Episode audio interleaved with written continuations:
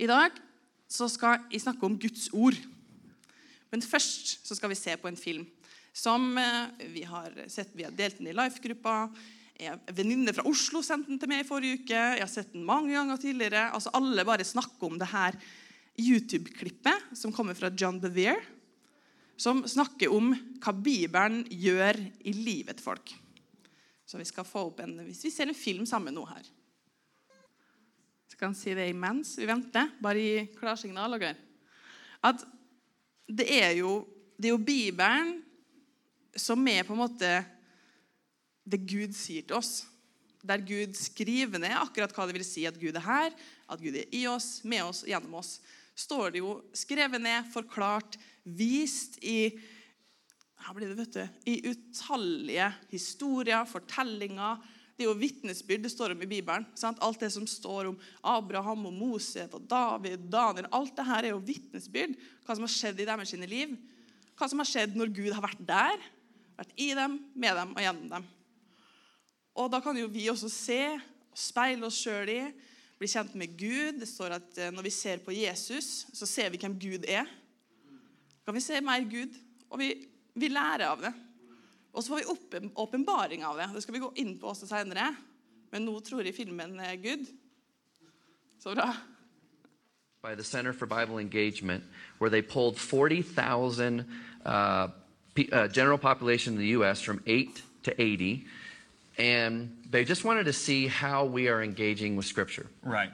And they discovered something that actually became kind of the profound discovery of the entire study. It- they weren't even looking for this, and this is kind of became the highlight of the study. Right. Um, when we're in the scripture one time a week, and that could be church on Sunday, that's pastor saying you open your Bible, we hear the message, one time a week had negligible effect on some key areas of your life. So I'll, I'm going to spell that out more here in a moment. Two times a week, negligible effect. Now, at three times a week, there was a blip on the map, like there was a heartbeat. Something happened, again, a heartbeat. Okay. But here was the profound discovery. When we're in the scripture four times a week, it literally spikes off the chart. You would expect that it'd be one, two, th- I mean, there'd be a gradual incline on the effect and impact that would have in your life, but it was literally one, two, three, four, something radically happens. Okay, you got my curiosity. To this what, extent. What kind of behavior is being affected? Feeling lonely drops 30%. Wow. Ang- four times a week in the four Bible. times a week in the Bible. Okay. Anger issues drop 32%. Uh, bitterness in relationships, marriage, a relationship with your kids, and so on, drops 40%. Alcoholism drops 57%. Feeling spiritually stagnant. You know, if there was one area when I'm talking with people that that they'll be honest about is they just feel spiritually stagnant. Ask them the question, how much time are you spending in scripture? If they're in the scripture four times a week or more, it drops 60%. Wow. Viewing pornography drops 61%. That's very important. now, on a flip positive side, sharing your faith Wow. jumps 200% Wow. because you have a confidence in God's word. And then discipling others jumps 230%. That's that's amazing right there. Ganske greit, det der, altså. For det, du som ikke fikk det med deg, så har de da eh, snakka med 80 000 kristne om hvor mange ganger de leser Bibelen i uka, og hva det har gjort med dem.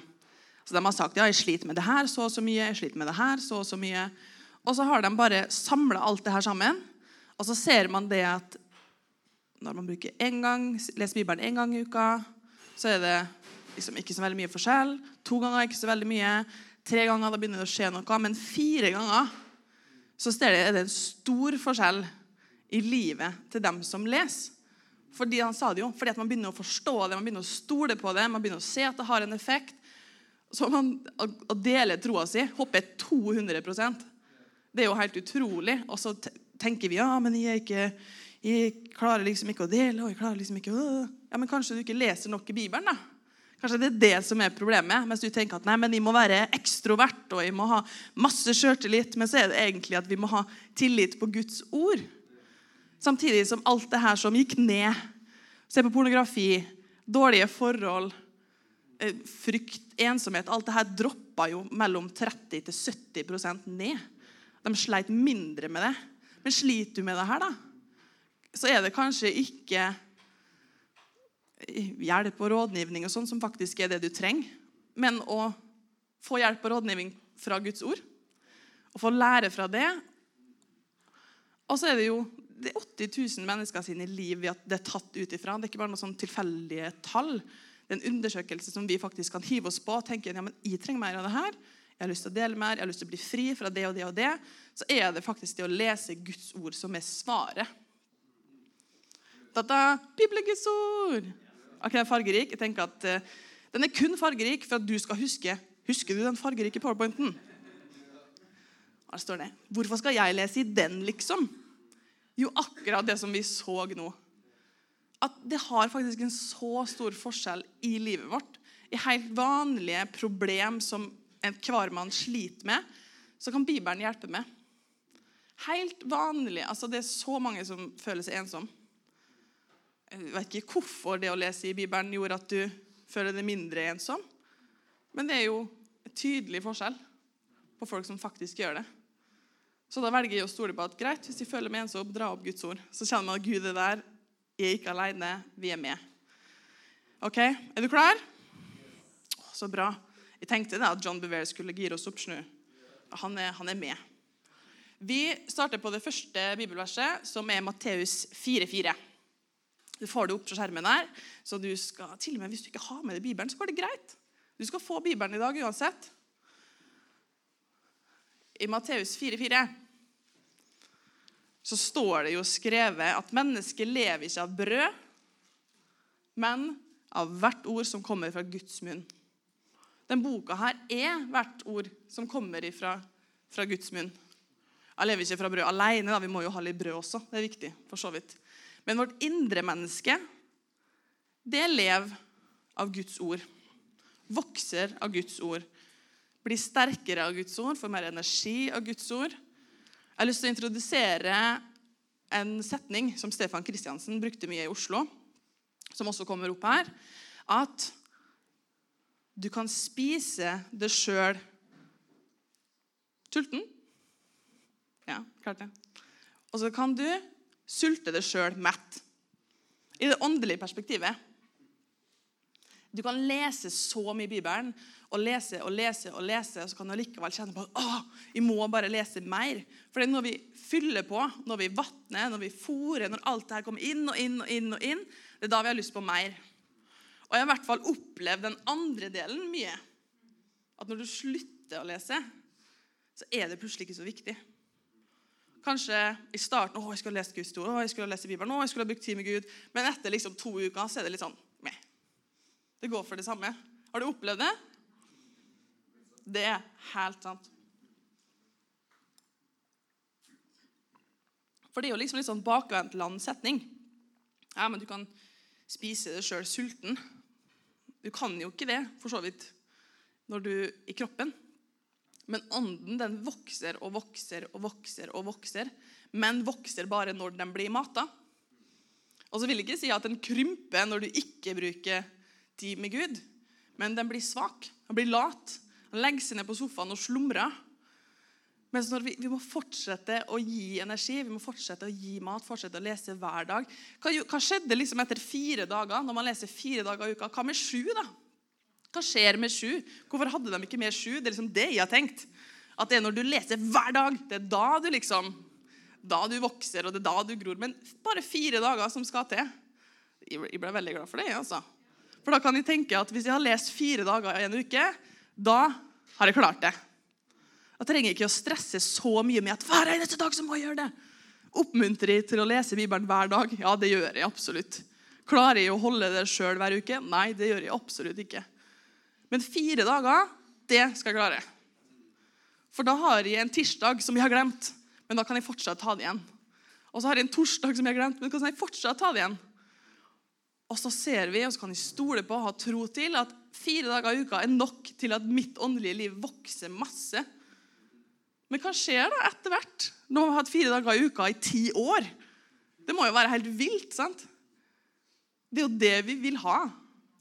Vi vil jo kjenne at Gud er der. Vi vil jo vi vil jo være nær Gud, vi vil bli kjent med han, vi vil jo kunne ordet, vi vil jo kunne ha tro til det. Det å høre ordet som gir tro. Men samtidig så er det så lett at en dag blir ti dager, og ti dager blir to uker, så har vi plutselig ikke brukt tid med Gud på lenge, og så er vi mett. Fordi vi føler ikke at vi trenger, og kanskje det, Hvis en skal gjenkjenne følelsen av det, er kanskje at jeg føler ikke at jeg trenger forandring. Jeg føler at ting er bra sånn som det er. Jeg har et godt liv sånn som det er. Jeg er en grei nok person sånn som det er. Forholdet mitt til ekteskapet mitt er greit nok sånn som det er. Mens hva er det? Hva er det greit nok sånn som det er? Men det er alltid mer av Gud. Hvorfor vil vi ikke ha mer av Gud hvis det er mulig? Så er jo det fordi du har sulta deg sjøl mett. Og det er jo ikke bra. For da har du jo egentlig ikke mat. Du er bare mett. Så det er så viktig ta med deg den her i livet ditt. Oi, nå har jeg ikke lyst på forandring, nå har jeg ikke lyst på noe nytt. nå har Jeg ikke lyst på mer. Jeg kjenner ikke at jeg har lyst til å lese Guds ord. Tenk bare, å nei, jeg er mett. Her må jeg spise. Her må det trå til. Daniel Kolenda sier det at når de føler at de ikke vil be, da vet de at de må be. Og det, burde, det burde trigge oss, den følelsen av det burde trigge oss til å jo, men jeg vil mer, ja, men jeg skal ha mer. Jeg skal ha forandring, jeg skal ha frihet, jeg skal ha frimodighet. Alt det her som vi ser spike. Det kommer opp, det blir mer av det når vi bruker tid i Guds ord. Så når du føler at du er mett, spis det sjøl. Sulten? Kom an. Nå skal vi lese det velkjente lignelsen på Guds ord med å så. Det er da i Markus 4, 1-20, så her er det lurt å slå opp, så du får med deg alt.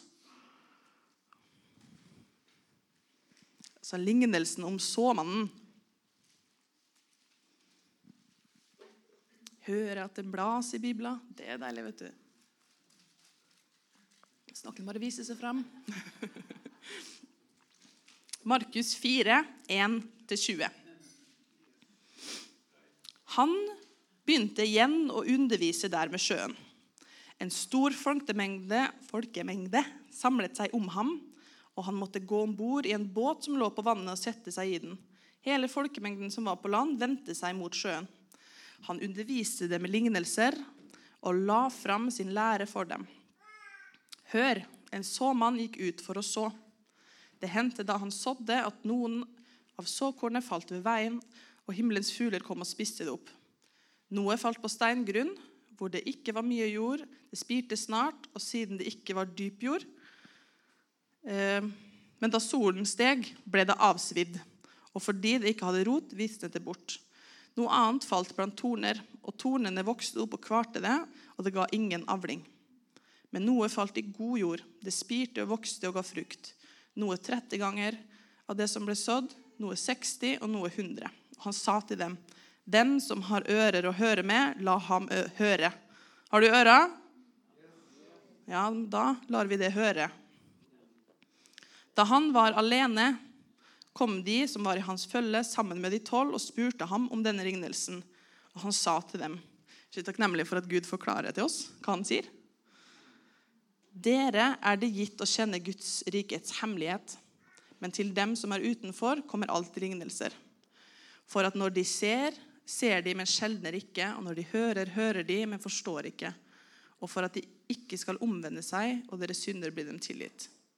Han sa til dem, forstår dere ikke denne lignelsen, hvordan skal dere da forstå alle andre lignelser? Så mannen sår ordet, og disse eh, er de ved veien hvor ordet blir sådd. Når de hører, kommer Satan straks og tar bort ordet som blir sådd i deres hjerter. På samme måte er det dem som blir sådd på steingrunn. Når de hører ordet, tar de straks imot det med glede, men de har ingen rot i seg. Derfor holder de bare ut en tid, og når det senere kommer trengsel og forfølgelse for ordets skyld, tar de straks anstøt. Andre er de som blir sådd blant torner. De er slike som hører ordet, men denne verdens bekymringer og rikdommers bedrag og lystne etter alt annet kommer inn og kveler ordet, og det blir uten frukt. Men de som blir sådd i god jord, er de som hører ordet, tar imot det og bærer frukt. en annen oversettelse til, og tar det til seg. Noen 30, noen 60, noen 100 ganger det som ble sådd. Kanskje det har noe med én dag, to dag, tre dager, fire dager å gjøre? 100, forskjellen på 130. Hvor masse man faktisk får i seg. Hvor masse såkorn. Altså, vi skjønner jo det. Jo mer som blir sådd, jo mer spirer. Enhver bonde kan være enig i det. mer som blir sådd, jo mer spirer det. Men så hjelper det at vi er god jord. Og så tenker man kanskje ja, men jeg har bekymringer og jeg har ting i livet mitt som bare liksom er, som kveler det, som er imot det. Men vi kan velge å ikke la bekymringa kvele det også, sjøl om vi har bekymring. Det står ikke at du skal være bekymringsfri, sjøl om det også står at vi kan kaste all bekymring på Han. Men ikke vent med å så til bekymringa er borte. Så heller i bøtta og spann. Altså bare kast utover. Skulle jeg si drus på med såkorn, slik at det vil vokse fram. Kanskje 30 først, fordi at det har så mye som, som stjeler det, som tar det. Men så 60, så 100. Kanskje du klarer å holde den her fire dager i uka, som tydeligvis gir så mye frukt. Altså, Frukt er jo ikke å huske bibelordet. Det er ikke at du skal klare å memorisere hele ordet og huske alle fortellinger, alle historier, betydninger bak det, og i tillegg kunne all jødisk historie. Det handler jo om at det skjer ting i hjertet ditt. At ting ikke kveler det, at frykta forsvinner, at tvilen forsvinner, at depresjon forsvinner. Og så har jo Gud gitt oss, han har sagt 'mediter på mitt ord dag og natt'. Kanskje ikke det betyr 'les Bibelen' hele tida. Men det kan bety hmm, ok, nå er jeg bekymra, men Gud har sagt at jeg ikke trenger å være bekymra. Så betyr jo det at jeg kan kaste all min bekymring på ham. Så må jeg passe på at bekymringa mi ikke kveler det ordet som allerede er sådd. Og så fortsetter vi bare. Men det viktigste er at vi er våken på det. Ja, men så er du bekymra da. Men kan, du kan fortsatt være god jord. Ikke, ikke bare Nei, men jeg er dårlig jord. Sånn er det bare, fordi jeg sliter med ditt og datt. Men jeg tenker, nei, jeg skal være god jord. Jeg. jeg skal holde fast, jeg skal huske på det, jeg skal ta vare på det. Og når jeg kjenner at det kommer sånn derre Å, men jeg veit ikke, men jeg er mett, men jeg er ikke sulten, og jeg trenger ikke forandring, jeg har det bra nok som jeg er. Så sier du nei. Det har de absolutt ikke. Gud har bedre, Gud har mer, Gud har frihet, Gud har helbredelse. Gud har alt det her for det. Husk at dette er bare en samtale mellom meg og det. Det er ingen andre her. Dette er en samtale mellom Gud, meg og det. Og du, det er for det. Og så ikke vent på forbønn. Ikke vent på predikanten. Ikke vent at jeg skal få et profetisk ord som kommer inn i ditt liv. Det drøssevis med profetiske ord i denne boka. her. Drøssevis med sannhet og løfter og ting som vi kan ta sjøl. Men vi må faktisk ta det. Ikke Altså, Sørg for at du er god jord. Ikke bare vent på at, at tornene skal forsvinne, og røttene som er inni her, skal, skal stå i veien. Så på. Altså, Hvis det er én ting som er liksom målet med i dag, så er det bare at du skal skjønne at i morgen så skal jeg lese Bibelen min. Og dagen etter det og dagen etter det. Men så er det ikke sju dager, så går det fint. Fire er bra, det òg. Det var en liten forskjell på tre òg, så hvis du bare får til tre, så er det bra. Men kan vi ikke bare liksom felles som en menighet, som Guds folk, tenke at vi skal presse inn, vi skal stå på, vi skal ta i, vi skal være god jord? Vi skal faktisk huske det som predikanten sa forrige uke. Vi skal faktisk huske det som Jan Rosemann sa. Vi skal faktisk huske det som Dwayne Sheriff sa for lenge siden. Fordi at vi husker, mediterer, tar med. For vi er god jord. Og så tar vi den.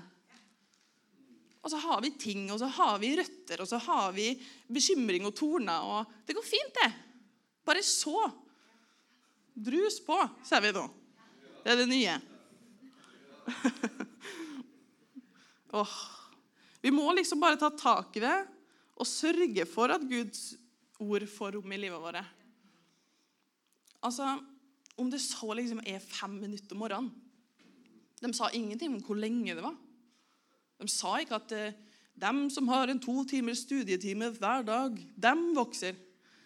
Men den som leser Guds ord Et kapittel, da. Et vers, da, om det er det eneste du får til fordi du har 15 barn og tre jobber. Altså, ta Altså, ta et bibelvers, da. Det går helt fint. Det går helt fint, fordi du sår inn i hjertet ditt. Kanskje du kan ta ett om morgenen, og så ett til lunsj, og så ett på kvelden. Og så har du fått Guds ord. Så tar du det bare med deg og lar det vokse. Sørg for at du er god jord. Men så var det eneste du leste, da, var Romerne 1,16. I skammer meg ikke over evangeliet. Men så bærer du det hele dagen. Jeg skal jeg skamme ikke over evangeliet. Her kan jeg dele, her kan jeg snakke, her kan jeg be. Fordi jeg skammer meg ikke over evangeliet. Så har du det ene bibelverset som vokser. Fordi at du er god jord, er du ikke det? Og vi lar det vokse. Sjøl om vi da møter masse ting som er å, hvis de sier noe her, så vil alle gjøre narr av meg. Eller å, hvis de løfter opp her, så går ikke det an. Eller uansett hva det måtte være. Men så fordi at vi står fast, det ordet skal vokse i mitt liv. Kanskje du skammer deg over evangeliet. Men Bibelen sier vi skal ikke skamme oss over evangeliet. Så la det vokse, da. Og så Hvis det er et vanskelig bibelvers, så tar vi et annet et først, og så tar vi det litt senere. Så blir det bra. Vi skal få opp Hebrevrevet 4,12 her. Og Det er jo også et sånt velkjent Guds ord-vers. For Guds ord er levende, virkekraftig og skarpere enn noe tveegget sverd. Det betyr altså at det er skarpt på begge sider. Det trenger gjennom til det kløver sjel og ånd, marg og bein og dømmer hjertets tanker og planer. Altså, det er skarpt. Det er vi enige i. Det her er skarpt. Det vil si at når du får et bibelord, når du hører et ord, så vil det være litt sånn, sånn Det gjorde litt vondt. Sånn, det var ikke bra. Det her er ikke sant i livet mitt. Kanskje jeg er dårlig jord fordi at jeg har bekymring og frykt. Det er et skarpt bibelord som kan skille gjennom dine tanker, hjertets planer, sånn som står her. Det kan skille gjennom hva som egentlig foregår oppi her, og hva som egentlig burde foregå inni her. Og at man ikke lar det ene stoppe det andre. At man ikke lar ja, men jeg har jo bekymring, få lov å stoppe et ord fra å vokse inn i hjertet ditt. Vi har alle bekymring. Vi bekymrer oss for eh, inntekt og barn og familie og bilturer og arbeidskollegaer. Vi, vi bekymrer oss for alt mulig. Men må nå Guds ord få lov å vokse midt i det? Gud passer på oss. Gud han er her nå. Han er med og i og gjennom med. Da må vel alt gå bra. Så sår vi Guds ord midt i bekymringa. Så lar vi, det, lar vi Guds ord skille gjennom det her. Skjære gjennom, skjære gjennom marg og bein. Altså, det er ganske, ganske nært. Det er vanskelig å skjære mellom det. Ja. Nei, det er bra, altså. Vi får opp et til. Salme 119, 105. Ditt ord er en lykt for min fot og et lys for min sti. Ikke bare snakka Guds ord om det som skjer inni oss, det som vokser i oss, den bekymring og alt det her, hvordan det kan jobbes, men han snakker også om 'for min fot'. altså Det er jo noe som er på utsida, der vi går. Det er ikke bare i oss Gud vil ha frukt, men i våre liv også. Hvor vi skal. altså For min fot det er jo ikke akkurat sånn kjempelangt. er det Det er jo rett her. Hvis du har en lykt i mørket, det er helt mørkt der inne, du holder en lykt rett foran, så er det liksom bare en meter, to meter diameter. det. Og så ser du hvor jeg er. Hva ligger rett foran meg? Hvem er her nå? Hvem kan jeg møte? Hvem kan jeg være med? Hva skal jeg gjøre? Altså En av de største spørsmålene vi har i livet vårt, er jo hva er kallet mitt? Første kallet ditt er her. Rundt meg. Familie, venner, kollegaer, menighet, tid med Gud, som lyser opp alt det her.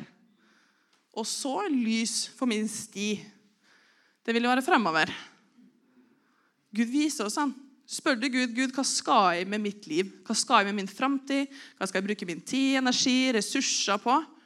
Gud viser fremover. Men hva er det som er den lykta? Guds ord. Vi kan bruke Guds ord til å finne ut hva Gud har planlagt for oss. For Gud er ekspert på å snakke mellom linjene. Når jeg, når jeg flytta til Oslo, så fikk jeg et eh, bibelord i Daniel som eh, jeg ikke var enig i. og der sto det Jeg husker ikke helt eh, akkurat hvor, men i Daniel så står det at Daniel gikk tre år i trening og så inn i kongens arbeid. Hva er kongens arbeid? Altså Det er det jeg driver med. Altså Bygge menighet, bygge folk, dele Guds ord. For meg så var det kongens arbeid. Jobbe for Gud sånn. Og tre år i trening. Jeg skulle bare ett år i, i Oslo. For de skulle ikke bli sånn storbyfis, vet du. Kommer fra, fra skogen. Der skal man høre til. Men så ble det tre år. For hvert år når jeg planla å dra hjem, så minte Gud meg på Husk på Daniel, jeg sa tre år. Bare, Nei, det sa du ikke. Det var bare jeg som leste et bibelord. Du sa ingenting. Og så ble det et år til, da. Og så et neste år igjen. Nei, men jeg skal ta et tredje år. Jeg skal ikke ta et tredje år. Sant? Gud bare Husk på hva jeg sa i Daniel. Jeg sa tre år. Ja, greit. Og så hadde jo ikke lyst til å dra hjem etter tre år. Så de skulle Gud, jeg vil ta et fjerde år. Jeg vil være med. Og jeg vil. Og så bare Gud, nei, jeg sa tre år, og så skal du hjem. Jeg bare, greit. Men det gikk jo greit. Jeg har det bra på Tornes. Det var da en Tornes som klappa.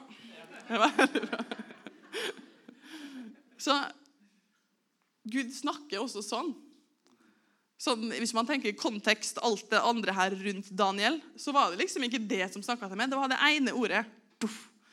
Så sa Gud, det her er til det. Men hadde, jeg hadde ikke fått det ordet hvis jeg ikke hadde bestemt meg for at det året her skal jeg lese gjennom hele Bibelen. Og så hadde jeg kommet til Daniel. Og så kom det ordet opp. Og så merka jeg det at jeg hadde jo en plan, da, en leseplan som jeg fulgte hver dag. Leseplanen er veldig bra. Og så merka jeg det at ja, men når jeg leste det her i dag, så ble liksom hver dag så matcha det jeg leste, opp mot det som skjedde. For jeg tror også at Gud vet at Ester skal lese hver dag. Derfor så kan vi, den situasjonen kan vente til hun kommer i Numbers, fjerde Mosebok. Eller, og sånn. Det kan vente til da, og så ordner vi det da. Og så, og så er man årvåken på en helt annen måte. Fordi at jeg har lest, jeg har forstått, jeg har, Gud har sagt noe til meg gjennom ord som kanskje er kjedelige. Er det lov å si det? Noe kan være litt kjedelig. Altså masse sånn herre Sønn til ho og sønn til han og ditt og datt.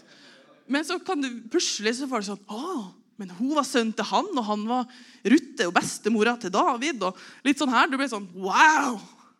Men det får du ikke hvis du gir opp etter tre kapittel, og så hopper du overalt.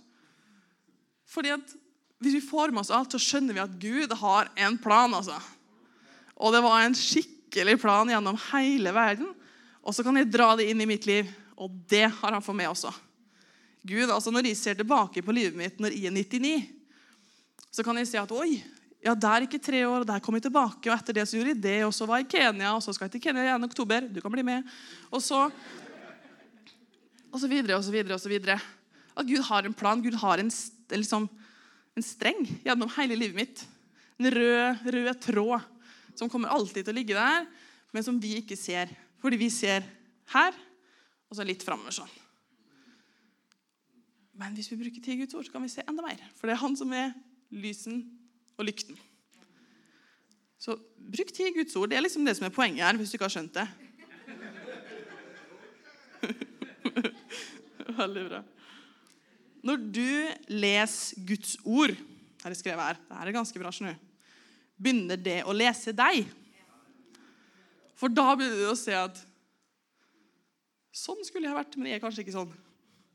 Her skulle jeg ha tilgitt, men det har jeg ikke gjort. Her skulle jeg ha ditt datt. Men også hva er mitt hjertes tanker? Hva tenker jeg om meg sjøl? Hva tenker jeg om Gud? Hva tror jeg at han er kapabel til å gjøre i, i mitt liv? Var det noe forskjell på meg egentlig og dere? Er det noe forskjell på meg og Reinhard Bunke? Er det noe forskjell på meg og Abraham og Moses og hele Ikke sånn egentlig. Vi var forskjellige mennesker. det er liksom eneste forskjellen. Men Gud kan gjøre det han vil i hvem som helst, når som helst.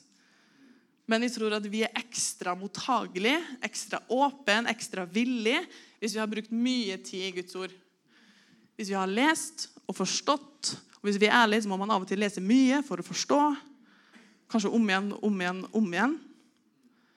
Enkelte ganger så leser jeg ting Jeg husker et par år siden så sleit jeg litt med tilgivelse. Og da bestemte vi for at jo, men det her skal jeg, det skal jeg ha tak i. For det her er en plass som Gud har tenkt at jeg skal være fri fra. Ikke bare at den personen som jeg må tilgi, trenger å bli fri, men at jeg skal være fri fra det som har et grep om hjertet mitt, fra det som er en rot, fra det som er torne. Så må jeg få lov å være fri. Og da gjorde jeg det så enkelt at de bare leste om igjen og om igjen og om igjen. og om igjen. Ikke liksom 20 ganger på én dag, men kanskje hver dag. Av og til litt flere ganger. Tenkte på det. Og så greip vi det som vi akkurat sa nå. Jeg må tilgi for at jeg skal være fri. Det er mitt ansvar at jeg er fri. Derfor så må jeg tilgi, slik at jeg kan være fri, og så er jeg ferdig med det. Og fordi at jeg fikk den åpenbaringa der, som kanskje høres enkel ut, og vi har hørt det før òg, men jeg måtte forstå det. Det måtte være en lykt for min fot. Det måtte vise min sti. For det er mye som er generelt, men jeg må forstå det. Jeg må ta det, jeg må gripe det, jeg må gå videre med det. Og så var jeg ferdig med den saken, egentlig. Og etter det så har det ikke vært noe problem å tilgi. Jeg har heller ikke opplevd sånn kjempeille ting som jeg må tilgi. Men kanskje jeg er forberedt til neste gang det skjer noe som ikke er bra. Fordi at jeg har hatt en Lyset har skrudd seg på. Lykta for min fot har kommet på når det kommer til det. Og så kan man alltid vokse framover i det samme. Og så merker vi også kanskje at det bryter med vår egen vilje. Rett og slett. Som nevnt nevnte i stad, det er mange som eh, sier de er introvert, så kan de ikke dele Guds ord. Man kan, ikke, man kan liksom ikke være frimodig, og man kan ikke be for folk fordi at de er jo introvert. Men det er jo bare sånne ting som vi har boksa oss sjøl for å hjelpe å forklare hvordan vi funker her inne. Men så bruker vi fire ganger fire dager ti i Guds ord, så vokser det med 200% Det er jo skikkelig heftig. Men så er det så mange andre ting det bryter med. sant? Jeg var ikke, ikke kristen når jeg ble frelst. Så klart. Men så, da måtte jeg ta ting som var imot på en måte, måten jeg har lært på. Ting som altså, småløgn, sex for ekteskapet, ditt og datt som var synd. Som vi på en måte var litt sånn Hvorfor det? Så måtte jeg ta Guds ord og holde det over mine meninger, over mine forventninger, over det som jeg tenkte var rett. Fordi at jeg hadde valgt å tro på Gud. Jeg hadde valgt å tro alt det som står her, er sant. Det er sant. Det som jeg tror og tenker, er ikke nødvendigvis sant. Så sett inn her, og så la vi ikke den Vi dytter ikke Bibelen ned etter våre forventninger, etter våre formeninger, etter det som vi mener er sant. Men vi løfter det opp og så får alt det andre bare komme under der. Er du enig? Ja, du må nesten bare være enig i det. Vi kan få opp neste bilde her. Og neste. Her skal vi lese Kolosserbrevet 2, 6 og 7. Dere har tatt imot Kristus Jesus som Herre. Amen.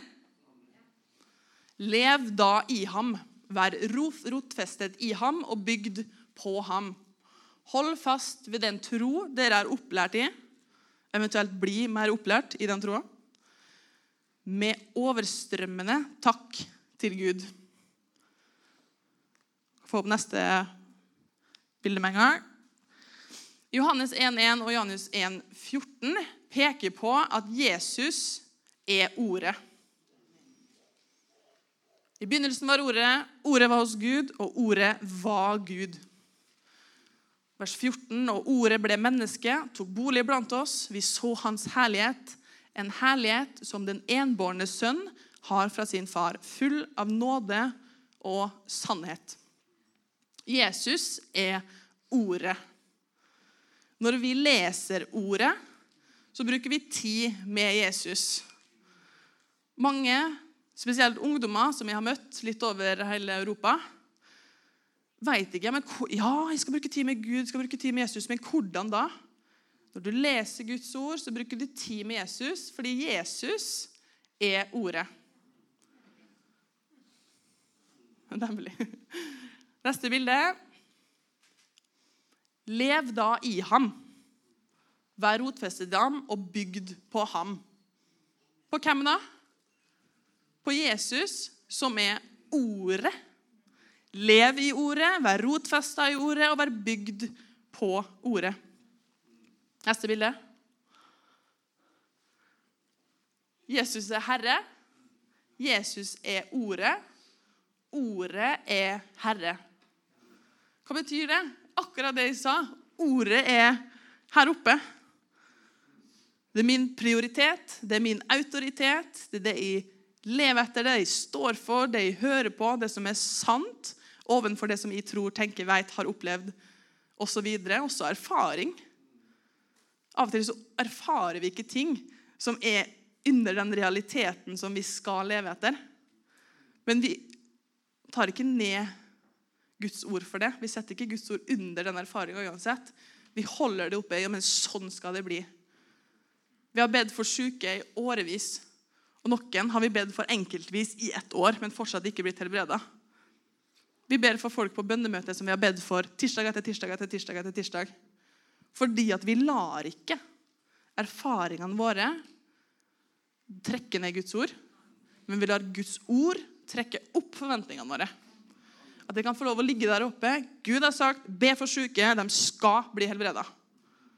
Av og til så skjer ikke det med en gang. Men så holder vi fast på det. Hvis vi gir oss, så skjer det i hvert fall ikke. Så fortsetter vi å trekke det opp der, fordi ordet er Herre. Herre på den tida der, det var jo, det var jo sjefen. Altså, det var han som sa rett og slett Gjør sånn. Nå skal du ut dit og vatne de plantene, og nå skal du dit og legge potet, og nå skal du Det her gjør du, sånn gjør du det. Det sier Guds ord til oss òg. Det her gjør du, og sånn gjør du det. Og så lar vi ikke den følelsen av at fordi vi er mett Vi har det egentlig ganske bra som vi har det, vi. Så lar vi ikke det stoppe oss fra å få mer av Gud. Fra å lære mer med Gud, være mer hos Gud. La ordet være herre i vårt liv. Vi er jo så En av våre største problem liksom, i 2020 er jo at vi er så individualistisk. Var det rett? Jeg, åh, så. At vi skal liksom stå på ene bein, og jeg skal være evig sjef, og det er bare jeg som bestemmer hva jeg skal gjøre, og hvem jeg skal snakke med, og hvor jeg skal være. og alt det her. Vi har ikke lyst til å ha noe herre. Vi skal være egen herre, vi. Men jeg kjenner faktisk på litt sånn motsatt. Jeg er glad for at Guds ord sier gjør sånn og sånn og ikke sånn. Hvor deilig er ikke det? Jeg trenger ikke å finne ut sjøl. Er det her bra, er det her ikke bra?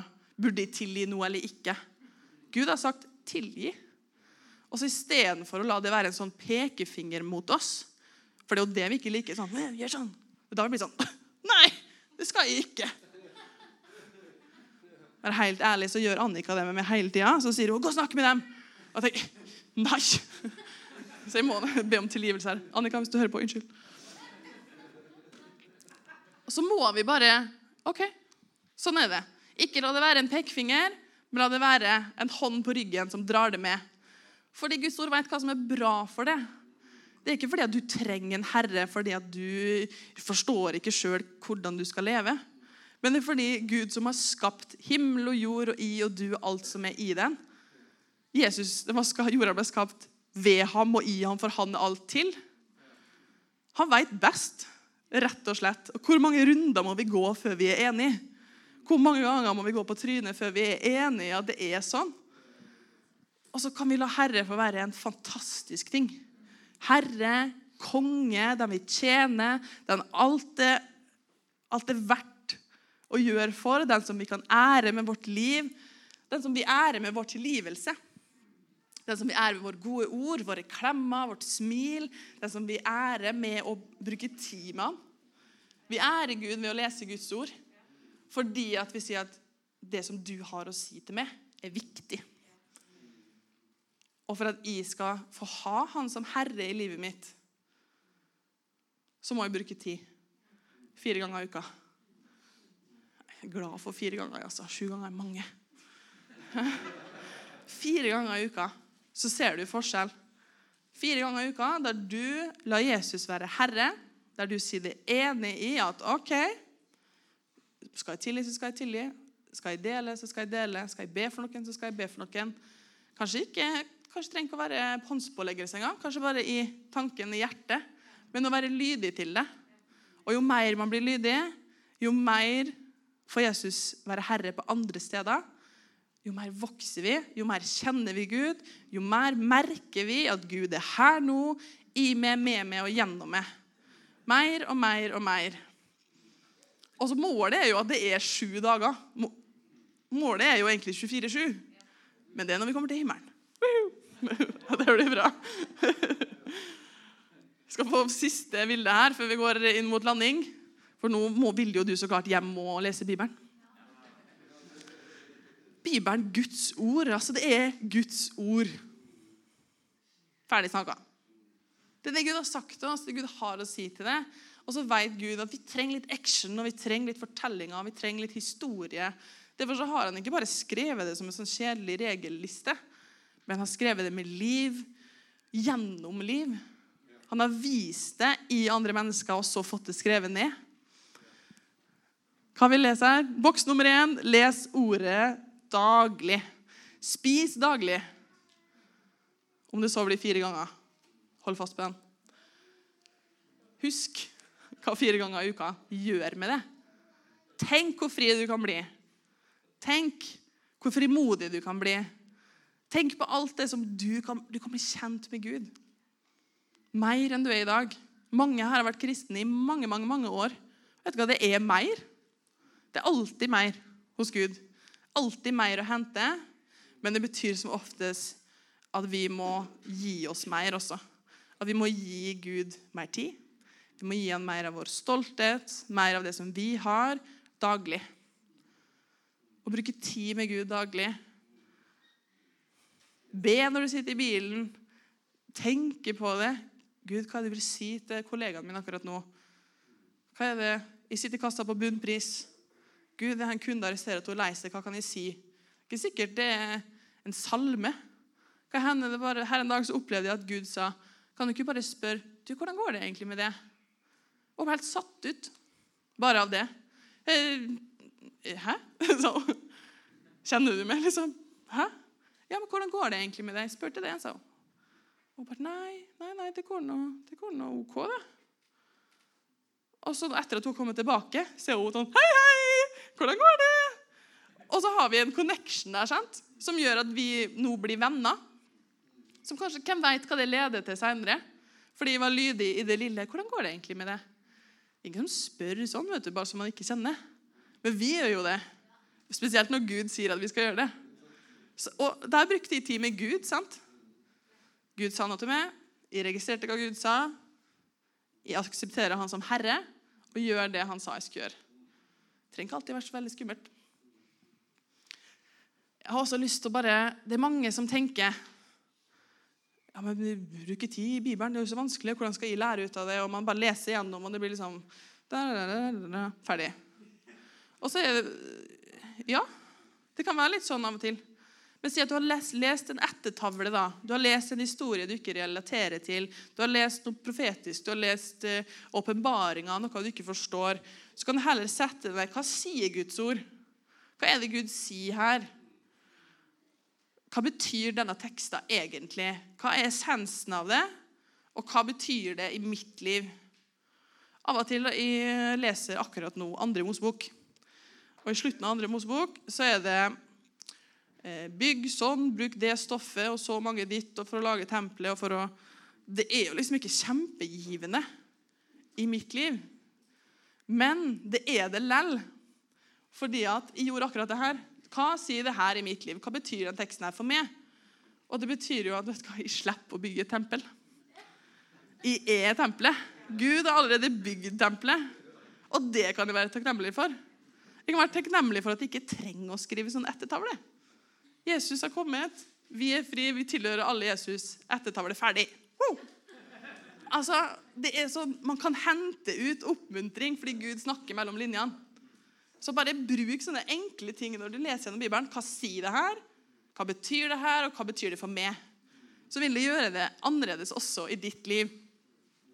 Minner dere på også Bibelen er høyeste prioritet og høyeste autoritet. Hvis vi skjønner at det er høyeste prioritet, så vil det gi forandringer i våre, våre liv. Og hvis vi bare er greit, Guds ord er autoritet, og bare tar det, svelger piller, sånn er det, står på det, så velsigner det alle områder av våre liv. Matteus 6, 33 sier, søk Guds rike først og hans rettferdighet, så skal du få alt det andre i tillegg. Vi vil jo ha alt det andre, men vi søker alt det andre. Sant? Vi søker det. Vi søker rikdom og kjærlighet og gode rykter. Alt det her. Vi søker alt det her. Vi vil ha det. Men så har Gud gitt oss på en måte istedenfor sånn herre eh, Hvordan bli den beste businessmannen, og hvordan bli ditt og datt og datt, så har han bare sagt søk Guds rike først. Vi søker Guds rike ved å bruke tid med Gud. Ved å utrette det som står, ved å være lydig, ved å bygge Guds rike i mitt liv først. Så kan Guds rike bli bygd ut sånn. Men det er liksom Guds arbeid. Mitt arbeid er å bruke tid med Gud. Guds arbeid er å få det til å vokse, få det ut, bringe frukten. Alt det her, det er Guds arbeid. Bare slapp av, du. Fordi at automatisk, når du bruker tid med Gud fire ganger i uka, så vokser sjansen for at du deler Guds ord 200% Det er jo Gud som gjør det i det, at du plutselig er frimodig. Det er ikke sånn 'Å, nå må jeg lese Guds ord, så kan jeg bli frimodig.' Åh! Og så stresser vi så mye med det. Bruk lang tid. Tenk gjennom, les gjennom, la det vokse i det, mediter på det. Mediter betyr jo tenk, gransk, søk gjennom. Hva betyr det her i livet mitt? Og så gjør det noe i oss. Søk først Guds rike. På alle områder så vil du få alt i tillegg. Det er jo ett av de fantastiske løftene vi bare kan stå på. Skal vi dra hjem og lese Bibelen nå? Ja, det er bra. Det var det jeg ville dele med dere i dag.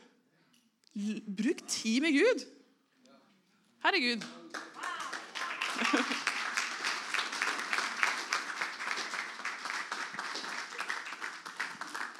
Mens Elin bare gjør seg klar her, så vil jeg at dere skal legge hånda på hjertet. Gjerne lukke øynene også. Gud, jeg ber om at du starter en brann i hjertene herre, etter å bruke tid i ditt ord.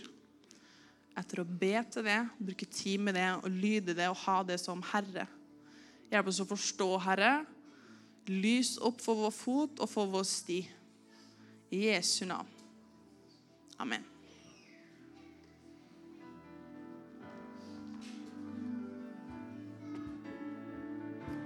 Hvem kan lyse opp min sti som en lykt for min fot?